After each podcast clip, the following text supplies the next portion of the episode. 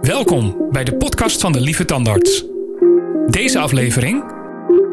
Jan-Henk Nawijn. Hoi en welkom bij deze podcast. Um, ik zal mezelf eerst even introduceren.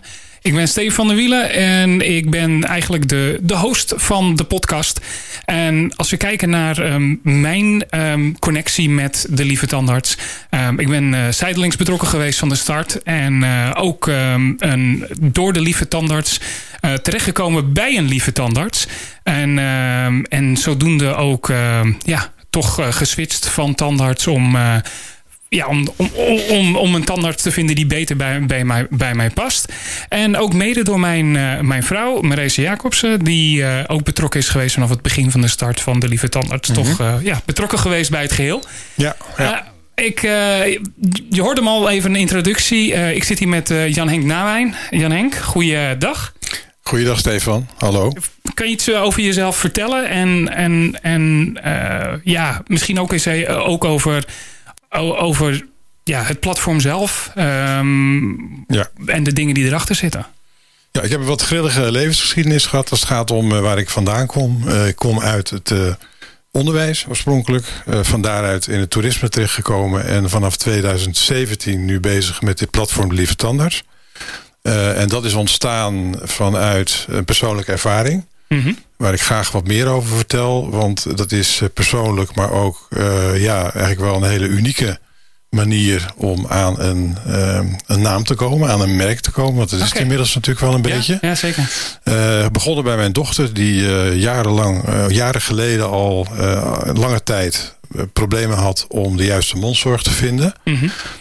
En via via kwamen we uiteindelijk na een lange zoektocht terecht in Groningen. En daar kwam ze terecht in een CBT, een Centrum voor Bijzondere Tandheelkunde, mm -hmm. in het UMCG.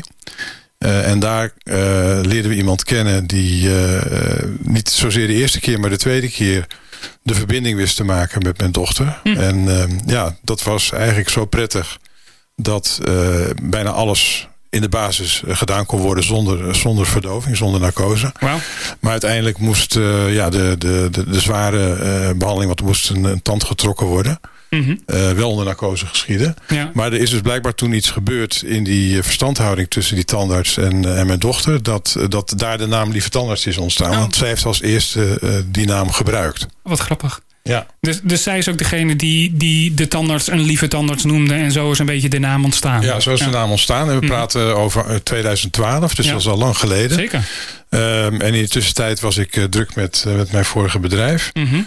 En uh, deze gedachte zat eigenlijk steeds uh, in mijn brein, maar een beetje verborgen. Een laadje ja, ja. Dat, dat dicht zat. En uh, ook omdat we weinig tijd hadden om daar mee bezig te zijn. Want er waren zoveel dingen die speelden in die tijd. Het was ja. eigenlijk de crisistijd. Hè, want althans in het toerisme was dat zeker zo. het was moeilijk toen om, om klanten te vinden, te houden en groei te realiseren. Dat was in 12, 13 eigenlijk de moeilijkste periode. Mm -hmm. um, dus daar hadden we het heel druk mee. Maar toen uh, de periode kwam dat ik het wat rustiger aan kon doen...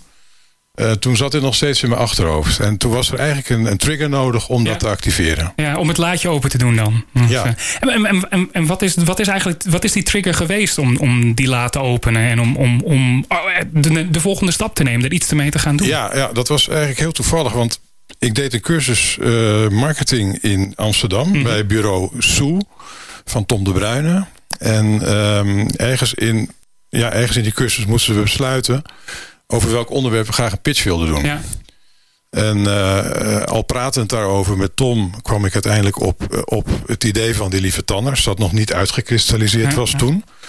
Uh, maar dan moet je dus een idee uh, in zo'n in zo'n cursusverband proberen vorm te geven. Ja. Je moet je voorstellen, wat hij doet is leiding geven aan de Behavioral Design Academy. Mm -hmm. Uh, en dat is eigenlijk uh, vanuit psychologische inzichten proberen uh, op, een, op een goede manier, dus laten we zeggen een oprechte manier, ehm, mensen te bewegen ander gedrag te gaan vertonen. Ja. Dus door heel structureel te werken, gestructureerd te werken en mensen bepaalde vragen te stellen, kom je erachter wat, waar hun behoeftes liggen. Ja. en dan kan je op een gegeven moment ook identificeren waar de drempel ligt om naar ander gedrag over te stappen. Mhm. bijvoorbeeld iemand die obese is, hoe, hoe kan je die in vredesnaam ertoe bewegen om ander gedrag te vertonen. Ja. Ehm, eh, en dat, dat kan je eigenlijk alleen maar doen door precies te weten wat, uh, of althans zoveel ook boven tafel te krijgen, wat, wat de redenen zijn waarom iemand, waarom iemand bepaalde stappen niet neemt, mhm. die hij graag zou willen. Ja, dat is dan ook uh, wat je moet vaststellen. En toen kwam dit idee van die lieve tanders eigenlijk naar boven drijven. Hmm. want wat we hier doen is, dat praten we dus over 2017, is proberen vast te stellen wat het probleem is waarom veel mensen niet naar een tandarts gaan. Of niet naar de mondhygiënist. Want dat, dat is eigenlijk gewoon de gemene delen die we gebruiken. Ja, zeker. Ehm, en dat is best een, een divers palet. Uh, als eerste hebben we daarvan geïdentificeerd dat er veel mensen bang zijn. Ja. In Nederland zijn er 800.000 mensen die helemaal niet naar een tandarts of een mondhygiënist gaan. Omdat ze daar te bang voor zijn. Dat is best wel een, een, een, groot nummer, een groot nummer qua aantal mensen wat om die reden daar naartoe gaan. Ja. Wat, wat ik ook, wat, wat, waar ik mezelf heel erg aan kan aan relateren is dat ik ben zelf ook voordat ik dus naar een lieve tandarts ben geswitcht, uh, een jaar of vijf denk ik zelfs niet naar de tandarts gegaan. Mhm. en, en, en niet zozeer qua angst qua de behandeling, maar dat was meer het, het geheel eromheen. Hoe de tandarts um, eigenlijk communiceerde en, en, en hoe die dingen bracht. Ja, ja dat, dat gaf mij zo'n negatief gevoel erbij. Dat ik zo mm zat van, weet je, laat maar zitten. Ik, ik, ik hoef daar niet per se heen. En um, ja, dus ik, ik, wat ik zeg, misschien niet de, angst, maar ik, ik kan me er zelf ook wel bij identificeren, identificeren mhm. hoe, zoiets, hoe zoiets zit. Ja. En, en, en, en vanaf, vanaf op dat punt was, was toen al echt de hele uh, want, want je zei, ik, ik, moest, dat, uh, moest dat gaan presenteren. Ik moest dat gaan vormgeven. Was dat al onder de naam De Lieve Tandarts? Was dat al de uh, ja, die naam hebben we toen wel bedacht. Dat heb ik niet alleen gedaan, want ik heb dat samen met Maresa voorbereid. Maresa, nou, jouw vrouw, die ken ik al een hele tijd van, vanuit mijn vorige bedrijf aan zee. Ja. Um, en zijn al die tijd eigenlijk blijven sparren over nieuwe ideeën. En zij was van het begin af aan betrokken ook bij dit idee. Dus dat, dat is heel fijn dat ze er nog steeds bij is. Ja, leuk. Uh, maar uh, om, um, om even aan te geven hoe, hoe zoiets verliep. Uh, we moesten een pitch doen van vijf minuten in het Engels. Okay. Nou heb ik daar niet heel veel problemen mee om het Engels te spreken. Maar het is wel wat anders ja, zeker. als dat een groep is ja. met een jury van, van, van vier. Waar iemand van Google zat, als ik het goed heb. Ja. TMG en nog twee mensen die een eigen reclamebureau hadden. Oh, jeetje. dus dat was nogal wat. Ja, dat en dat hebben we gezamenlijk voorbereid. En hebben dat ook grotendeels samen gebracht. Um, en die, die pitch die we deden, daarin probeerden we eigenlijk gestalte te geven aan de oplossing oplossing. Ja. Althans, een oplossing. Mm om die drempels zodanig te verlagen dat mensen na jarenlang uh, mijden van, van tandartsbezoek toch weer die stap zouden nemen. En uh, dat was best een pittig verhaal en, en, lastig te brengen in het Engels. Ja. En, zeker toen er ook al vragen over kwamen. Maar en Marisa die spreekt uitstekend Engels, dat scheelt ook een heel stuk. maar we, we, gingen een beetje van onze slides af. En er werd wat geïmproviseerd. En toen konden we de laatste twee slides niet laten zien. Daar stond daar precies de conclusie op. Oh, dus dat betekende dat die meneer van Google zei van I don't get the idea. Eh, en eh, er was nog iemand anders die eh, dat niet zo, niet zo goed, niet zo helder had. Maar toch waren er twee van de vier juryleden die zeiden van als dit een, een concept wordt dat je nader uitwerkt en er zit een duidelijk business idea ook in. Ja dan zouden we daar onze centjes op zetten. Dus oh. dat, dat klonk wel goed. Dat geeft motivatie, denk ik ook, om, om, om door te pakken. En, en, en, en als je kijkt naar toen, jullie hadden een idee hoe dat hoe dat opgelost moest worden. Ik bedoel, dit is een, een, een veel voorkomend probleem. Ik denk dat er heel veel mensen over nagedacht hadden. Wat was dat idee en, en wat maakte dat nou zo anders dan, de, dan misschien andere ideeën die er al waren om dat te doen? Ja, de gedachte was, zou, zou het helpen om een platform in te zetten tussen die patiënt die zoekt mhm. en die je dus niet kan vinden. Ja. Althans, eh, die in ieder geval de stap maar niet neemt. Mhm. En tandartsen die wel willend zijn en die, die uh, denken het zou leuk zijn om onszelf te kwalificeren als een lieve tandarts. Ja. Daar ook echt een keurmerkje voor te krijgen. En dat keurmerkje dat, dat krijg je alleen als je voldoet aan de voorwaarden. Ja. En er hoort dus bij een, een intake. Hè, want we gaan bij eh, praktijken langs. En we zijn daar uh, geruime tijd. En we hebben een uitvoerig interview met, met mensen die aan de stoel staan. Ja. Maar we spreken ook andere mensen van het personeel. Dus we proberen onze indruk te vormen. Als waren wij zelf patiënt ja. van zo'n praktijk. Wat, soort, wat soort vragen zou je kunnen. Wat zijn de dingen die jullie vragen tijdens zo'n interview? Ja, nou, de belangrijkste dingen die wij proberen vast te stellen is: ben jij als praktijk bereid om, om als mensen eh, komen die het lastig vinden om die stap te nemen, en dan, dan kan daar de beweegreden heel divers voor zijn, ja. om daar meer tijd en aandacht in te investeren dan dat je normaal hm. gesproken zou doen. Althans, uh, dan dat het beeld is over een tandarts of een mondhygiënist. Want juist door iemand een lieve tandarts te noemen, mm weten we die beweging te creëren. Want we hebben inmiddels van, uh, iets van 6000 mensen die stap uh, laten nemen via onze bemiddeling. Hè. Dat is althans wat wij in beeld hebben. En daarnaast is er een groot aantal dat zich rechtstreeks aanmeldt bij een praktijk. Dat hebben we minder in beeld. Ja. Want uh, dat zijn processen ja, die gaan buiten onze website om. Mm -hmm. Grotendeels. En die kunnen we hooguit terugvinden in Google Ads. Als er iemand op het telefoonnummer heeft ja. gedrukt, dan kunnen we dat wel, wel terugzien. Maar dan weten we nog steeds niet of dat tot, een aanmelding heeft geleid. Precies. Maar we zijn dus uiteindelijk uitgekomen op een, op een uh, business idee uh, dat zowel voor de patiënten aantrekkelijk is als voor de tandarts. Mm -hmm. uh, dat is best een beetje schipperen, want daardoor krijgen we ook af en toe het verwijt dat we misschien wat commercieel zijn. Ja. Hè, want we zorgen voor klanten, voor tandartsen. Ja. Maar we moesten natuurlijk iets bedenken dat ook voor een tandarts interessant was. Ja, precies. Voor patiënten was het duidelijk. die, die konden we misschien die stap helpen door, door, door tandartspraktijken als lieve tandartspraktijken te benoemen. Mm -hmm konden ze die drempel overkomen en uh, vervolgens ook terechtkomen in het meer reguliere circuit, waardoor je richting preventie kan werken. Ja. Want dat is eigenlijk de afgeleide doelstelling van, uh, van de oorspronkelijke missie. Zoveel mogelijk mensen weer naar de tandarts zien te krijgen. Ja. Dus uh, hoe krijg je nou die tandarts zover dat hij het leuk vindt om mee te doen? Nou, ja. Er zijn een heleboel tandartsen en mondhygiënisten en ook tandprothetici die het leuk vinden om, om uh, ja, zo'n kwalificatie te krijgen. Uh, die vinden het platform leuk. Ja. Die vinden het leuk wat wij doen. He, wij, wij, posten elke week wel een aantal berichten over mondzorg, maar eigenlijk altijd positief. Mm -hmm. We proberen mensen te bewegen, ook, ook die roken bijvoorbeeld, om als ze dan stoppen, daar hoeven ze niet eens voor te stoppen, maar toch weer naar die tandarts te gaan. Want ja. mensen kunnen in een soort waan terechtkomen van uh, het heeft toch allemaal niet zoveel zin meer. Nou, het, ik, is ik, al, uh, het is al, het is allemaal al verpest. Ja, er wordt niks meer. Nee, ja, ja, ja. Uh, en als je, als je kan laten zien, ook vanuit jezelf, dan praat ik echt vanuit mezelf dat het zin heeft om, uh, als je een tijd lang wat minder, minder gezond hebt geleefd, uh, toch die stap weer te nemen. Omdat uh, ja, veel dingen, veel organen in je, in, in je lijf, ja, die herstellen zich. Ja. niet helemaal, nee. maar nou, niet alles ook. Maar het is wel fijn om te weten dat, dat je toch die stap weer kan nemen. Ja.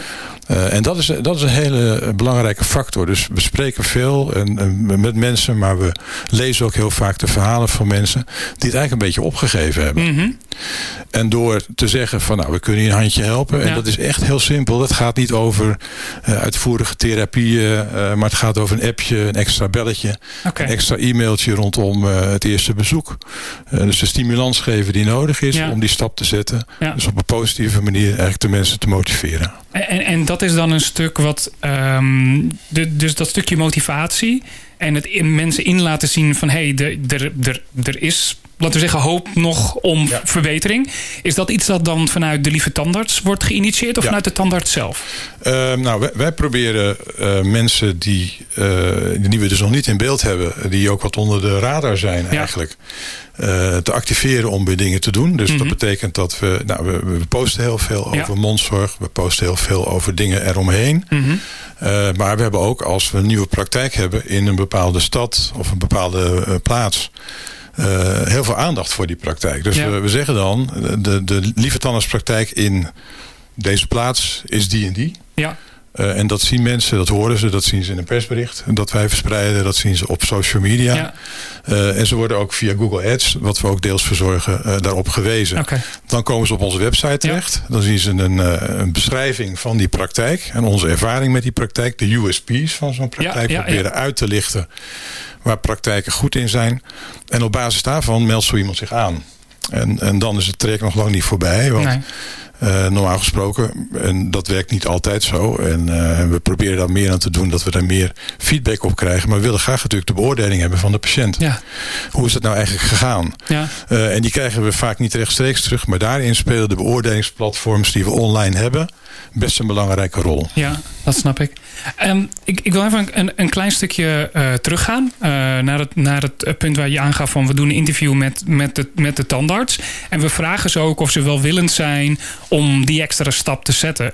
kun je een voorbeeld geven van, van zo'n extra stap? Wat maakt nou een lieve tandarts een lieve tandarts? Wat is, wat is dat, de, het toegevoegde stuk vanuit zo'n tandarts? Nou, ik, heb, ik, ik was laatst bij een, bij een tandartspraktijk. Die hebben een verbouwing ondergaan. En uh, die hebben uh, een heel simpele maatregel genomen. Die hebben nagedacht over de plek waar iemand zit aan de balie.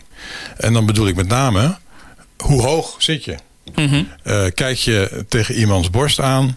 Kijk je over iemand heen? Ja. Of denk je bij het ontwerpen van zo'n balie na over de ooghoogte? Ja. Want daar begint het natuurlijk. Mm -hmm. het, het, contact, het positieve contact met de praktijk begint bij de balie. Ja. Eigenlijk al bij het telefoontje daarvoor. Mm -hmm. Het inschrijven, het inschrijfformulier. Um, uh, dus al die zaken spelen al een rol. Maar dan krijg je het eerste menselijk contact. Wat in deze coronatijd natuurlijk ook hartstikke lastig is. Ja, want zeker. uh, ja, iedereen zit verborgen achter kapjes en schermen. Ja, zeker. Dus dat is wel wat. En, en ook voor mensen die wat uh, angstiger zijn, uh, zeker geen stimulans om, uh, om te gaan eigenlijk. Mhm. Maar ja, doe je het niet, dan heb je daar mogelijk later de negatieve gevolgen Ja, van. Dus wij stimuleren het wel om te gaan, maar ik kan Ja. me voorstellen dat mensen het ook lastig vinden. Maar we proberen dus erg op, op die kant te gaan zitten. Mhm. Dus de communicatie, patiëntvriendelijkheid noemen we dat. Dat is een, dat is een vervelende term. Ja. Maar we zeggen, probeer zoveel mogelijk de mens te zien. Mhm. Uh, achter die bektanden. Ja. Dat hoor je ook wel. ja. en uh, dat, dat is natuurlijk wat, wat uh, gekscherend gezegd. Maar Ja. het komt erop neer dat je, en dat is bijna holistisch... Mhm. Uh, kijkt naar de patiënt als een volwaardig mens met al zijn ervaringen eromheen. Uh, en en uh, de spanningen die er ook heersen. Want bijna iedereen is wel in enige mate gespannen. Ja, tuurlijk. Als hij in de tandartsstoel ja, terechtkomt. Ja, zeker. Ja, dat zal er zeker altijd bij, bij spelen. Drie jaar geleden ben je begonnen met, uh, met de Lieve Tandarts. Of, hoe is de af, eigenlijk de eerste drie jaar, hoe is dat ervaren? Hoe, zie, hoe zie je dat? Het doel, het, het idee ja. wat je had, heb je het gevoel dat, dat, dat je daar bent? Of, of die nee, oh, nee, nee, nee, nee. Okay. Want uh, 6000, uh, dat klinkt, klinkt aardig, maar Ja. het is natuurlijk uh, niet zo heel veel. En Nee. ook al is het zo dat er drie keer zoveel uh, zich rechtstreeks hebben aangemeld, is nog steeds maar een, een topje van de ijsberg. Ja. Waar we nu naar op zoek zijn, is zoveel mogelijk samenwerkingsverbanden. Waardoor we uh, initiatieven kunnen koppelen. Ja. En uh, ja, niet steeds het wiel opnieuw uitvinden. Dat, Mhm. dat willen we absoluut niet. Nee, snap ik. Uh, om ervoor te zorgen dat die, dat die beweging wat breder wordt. Ja. En daar slagen we redelijk in, maar nog lang niet genoeg. Mhm. ook omdat er door sommige partijen gremia aangekeken wordt tegen de lieve tandarts als iets dat, uh, ja, dat toch wat, wat commercieel ja, oogt. Ja, snap ik. Ja. Het is geen stichting, hoor je dan wel eens. Ja, ja. Uh, dus er zit misschien wel een belang bij, Ja. een financieel belang bij. Dat kan ik iedereen geruststellen. Er wordt, er wordt niet veel verdiend. Mhm. nog niet, Nee. misschien ooit wel. Maar dat is zeker niet het doel. Wij proberen steeds met alles wat we doen voor ogen te houden... dat die missie is om zoveel mogelijk mensen weer naar die tandarts te krijgen. Ja. En, en natuurlijk, eh, omdat we die contract hebben met tandartspraktijken en mondzorgpraktijken... naar de lieve tandarts. Dat is Mhm. nu één keer eh, het business idee. Ja. Uh, en, en daarmee proberen we ook uh, die, uh, die boel ja, weer goed op gang te krijgen. En Ja. dat, dat merken we. Het is, het is te doen. En we Mhm. krijgen het voor elkaar. Maar we zijn er nog lang niet. Nee. Als je het hebt over 800.000 mensen die Ja. nog steeds niet gaan. Nou, dat zijn er dan misschien een paar minder nu. Ja. Uh, omdat ze te angstig zijn. Maar dan is er nog een enorme groep. Uh, dat, dat wordt geschat op 3,5 miljoen Ja. Nederlanders. Die niet regelmatig naar de tandarts gaan. Dus die zitten niet in uh, dat preventie. die regulariteit van, Nee. van preventie bijvoorbeeld. Mhm. Uh, maar uh, die gaan pas als het pijn doet. Ja. Of die gaan pas als er weer geld is. Ja. Of uh, om een andere reden stellen ze steeds dat bezoek uit. Ja, ja, nee. En, en dus, dus wat, ik, wat ik zeker hoor is van we zijn begonnen. Er is zeker een start, maar er is nog heel veel potentie om hierop door te groeien. Ja. Um, en en, en ik, ik, je hebt al een aantal keer ook het, uh, de, zeggen, het gevoel over van hey, het is een commercieel iets. Um, en, en ik denk, ik, hoe, hoe af, natuurlijk is, is er daar die, die, die missie die daar duidelijk is. Maar, maar zijn er andere dingen waarvan uh, like, dat gevoel weggenomen kan worden? Als in um, van ja. Ja, misschien een beetje, beetje, beetje lastig, uh, lastig uit te leggen. Maar ik kan me voorstellen dat het een behoorlijke stap, uh, stap is voor bijvoorbeeld een, een, tandarts. Of ook voor een patiënt die denkt van hé, hey, um, er, zit iets, er zit iemand tussen nu. Kan ik, dit, kan ik het niet beter direct doen? En wat gaat dan de toegevoegde waarde zijn? En wat, uh, Natuurlijk kan iemand het rechtstreeks doen. En, en, dat zullen we zeker niet tegenhouden. Want dat is uh, eigenlijk de meest ideale weg. Ja. Maar voor mensen die dat niet kunnen... die die barrière te, te, te hoog achten... Ja te groot achter, die, die proberen we te helpen. En dat, dat, dat lukt dus heel aardig. Maar Um, kijk, wat we liever zouden zien is dat eh, de Lieve Tandarts een van de initiatieven is. De Nieuwe Tandarts is er overigens ook een van. Die mhm. heb ik nog niet genoemd. Maar dat is dan wel een stichting uh, waar, waar we met z'n drieën in zitten. En waarvan mhm. we zeggen, uh, we proberen uh, heel veel te doen aan het verbeteren van ja, het, het, laten we zeggen, het preventieve van de mondzorg. Mm dat wil zeggen, dat zou wat ons betreft een, um, een ideaal moeten zijn waar je naartoe werkt met, met mondzorg en tandheelkunde. Waarvan je zegt, dat, dat is een horizon. Uh, die zien we zitten ja. als, als beroepsgroep. En ja. daar doen we alles aan om dat voor elkaar te krijgen. Ja. Maar er zijn, ook, er zijn ook wel wat tegengeluiden. En mm -hmm. daar willen we dus graag ook met mensen over spreken. En dan praat ik even over dat, dat concept. Ja. Um, die andere argumenten hebben. En uh, met hen praten over de mogelijkheden daar uh, ja, een praktijk op te vormen. Mm -hmm. Dat wil zeggen op dat principe. Ja. Uh, ervan uitgaande dat, je, dat het beter is om problemen in je mond te voorkomen. Ja, zeker. Dan, dan dat je het erop aan laat komen. Ja. En dat is dan ook al gauw weer een stuk duurder natuurlijk. Mm -hmm. en wat moet je dan doen om bijvoorbeeld als een van de punten die we wilden gaan bespreken op een congres dat helaas weer uitgesteld is. Ja. Um, om een praktijk te bouwen die helemaal gebaseerd is op preventie. Uh, en dat wel een goed lopende praktijk te laten zijn. Ja. Um, en daar bepaalde voorbeelden van te laten zien. Want die zijn er gewoon. Ja. Uh, dus dat is uh, ook weer een initiatief waarvan we gezegd hebben... nou, dat is heel fijn om daaraan mee te werken. Omdat we dit niet als een solo clubje willen, nee, nee. willen instigeren. Uh, en er zijn andere initiatieven waarmee we bezig zijn... om ja, eigenlijk een boost te geven aan onze missie. Ja. En wel een is om die patiënt weer naar de... Dat de lieve tandarts um, daarnaast ook uh, bezig is met bijvoorbeeld zo'n congres... Uh, om, om, om te horen van hoe, hey, hoe zit het nou... Um, hoe is het nou binnen de tandartsen? Met elkaar te, in discussie te gaan, maar ook uh, ideeën te lanceren en daar uh, feedback op te krijgen. Mm -hmm. dus zo'n congres is bijvoorbeeld een van die initiatieven. Zijn er, zijn er andere initiatieven waar de Lieve Tandarts mee bezig is naast ja. het, de ja, core we business? zijn, we zijn aan het kijken. We hebben nu uitsluitend contracten met tandarts- en mondzorgpraktijken die, die onze missie onderschrijven. Ja. Uh, die betalen daar in de regel uh, iets van nou, bijna 100 euro voor per maand. Mm -hmm. En daar krijgen ze veel support voor. Ja. maar heel veel, ja, heel veel exposure, zoals we dat noemen. Ja. Dus veel um, artikelen die we posten. Maar ook veel bekendheid in de regio waar we samenwerken met die, met die tandarts. Ja. Wat, die, wat die praktijk zelf doet, draagt daar natuurlijk ook heel erg aan bij. Mm -hmm. uh, maar er gebeurt nog niet zo heel veel in het algemeen aan promotie van Ja. praktijken. Um, wat we gemerkt hebben, het voornaamste probleem dat we tegenkomen als we praten met praktijken, is dat er een grens is aan de groei van de praktijk. Ja, ja, En dat komt door een personeelsprobleem. Ja. Dat is eigenlijk grosso modo waar we steeds tegen oplopen. Dus dan krijg je te horen van een praktijk uh, die zegt... we willen graag met je samenwerken, maar we kunnen geen mensen meer aannemen... want we zitten vol. Ja, Nou, als wij in, in staat zijn om als eh, platform... Uh, de verbinding te leggen tussen, tussen bijna afgestudeerde... of net afgestudeerde tandartsen en mondhygiënisten... die niet zo goed weten bij welke praktijk ze willen werken. Het is vaak een kwestie van geld. Ja. Het gaat heel vaak over percentages. ja, Uh, wij zouden liever hebben dat, er, dat het gaat over de kwaliteit van het werk. En over, uh, nou, dus over lieve tandartsen Ja. die passen bij lieve tandartspraktijken.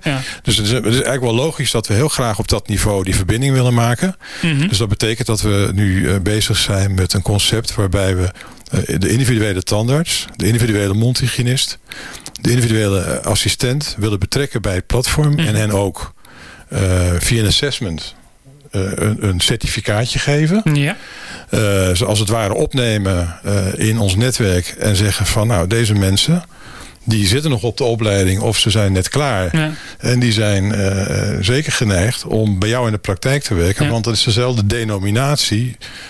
En er zitten dezelfde ideeën achter. ja, ja, ja. als, als wat die tandarts ook heeft bij zijn werk. Mhm. En dat matcht. En op basis daarvan ga je de samenwerking aan. En we denken dat het duurzamer is dan, eh, dan puur voor het geld gaan. Nee, zeker. En ik, ik, als ik het zo hoor, dit is ook precies wat, wat meehelpt aan die missie om, om, om meer mensen naar de tandarts te krijgen. Want als je de juiste mensen op de juiste plek hebt, dan, dan kun je ook mensen beter helpen en ook mensen beter op een beter geruststellen. Ja. Ehm, een ander ding eh, waar ik nog, nog over wilde hebben, die gaf aan ook over mensen die niet regelmatig naar de tandarts gaan. En, dat, en dat daar ook een, een, een financieel aspect aan kan zitten voor dat soort mensen.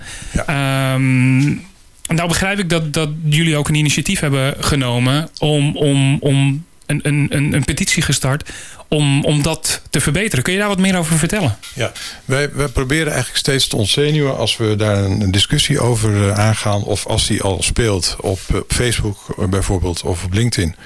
Waarbij gezegd wordt door, door patiënten en vooral mensen die zeggen van ik ga niet meer. Ja. Ik ga pas als het echt nodig is, want het is te duur. Ja.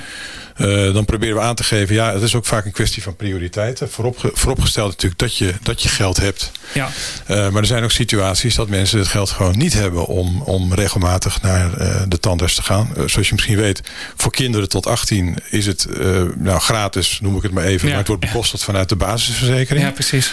En daarover verder denken, dachten we, waarom is het zo dat als je eh, praat over preventie, dan zijn daar prima pakketten voor, eh, zoals gewoon Gaaf, eh, Glansje, Johnny Joker. Dat zijn allemaal initiatieven Mhm. die erop gericht zijn om, om kinderen preventief te helpen eigenlijk. Ja.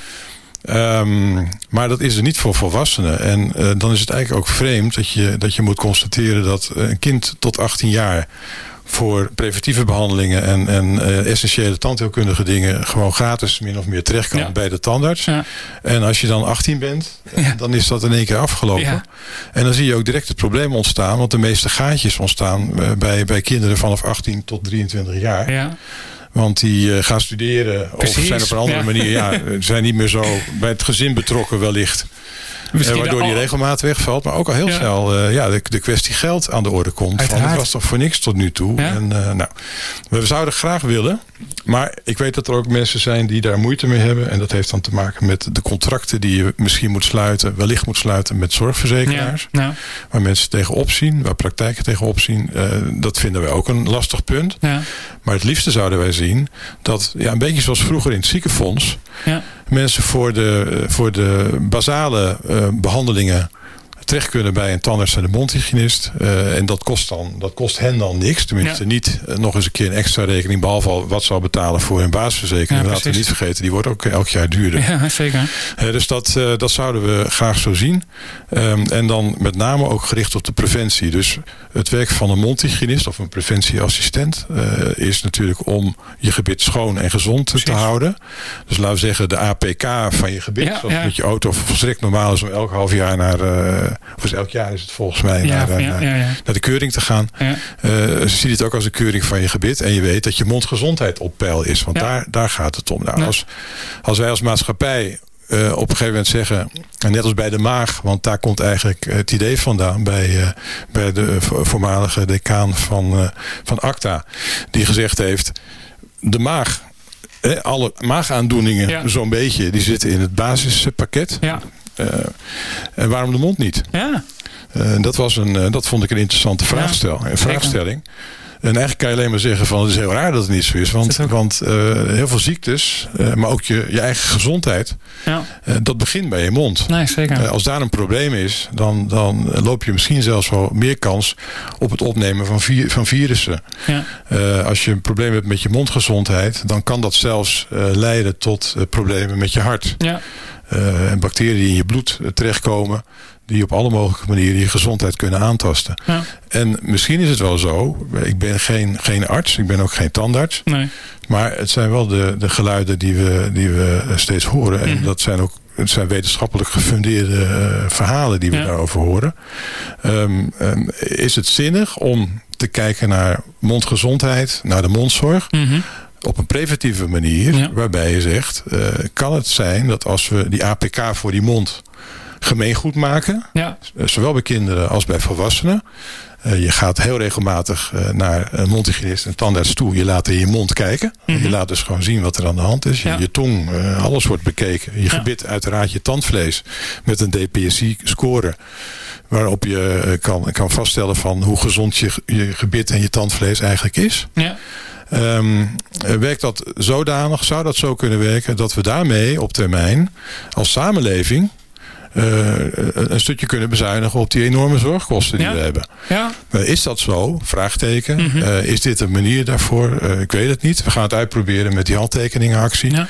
we hebben hem twee dagen gelopen en er zijn er een paar honderd, geloof ik, inmiddels gezet. Maar zo, zo, het loopt nog niet echt storm. Nee. nou, laten we hopen nadat mensen hebben geluisterd naar uh, deze podcast. Uh, dat, en, en, en hier iets inzien dat ze ook gaan ondertekenen. Mm -hmm. uh, je kan gaan naar tandartsinbasispakket.petities.nl. Dus tandartsinbasispakket.petities.nl. Of uh, er staat ook een linkje op de website delievetandarts.nl waarmee je kunt, uh, kunt doorklikken. Ja. Helemaal ja. goed. Uh, Jan Henk, dankjewel. Um, graag gedaan. En, uh, en, Jij bedankt. Ja, zeker. Graag gedaan. En uh, tot de volgende. Dankjewel.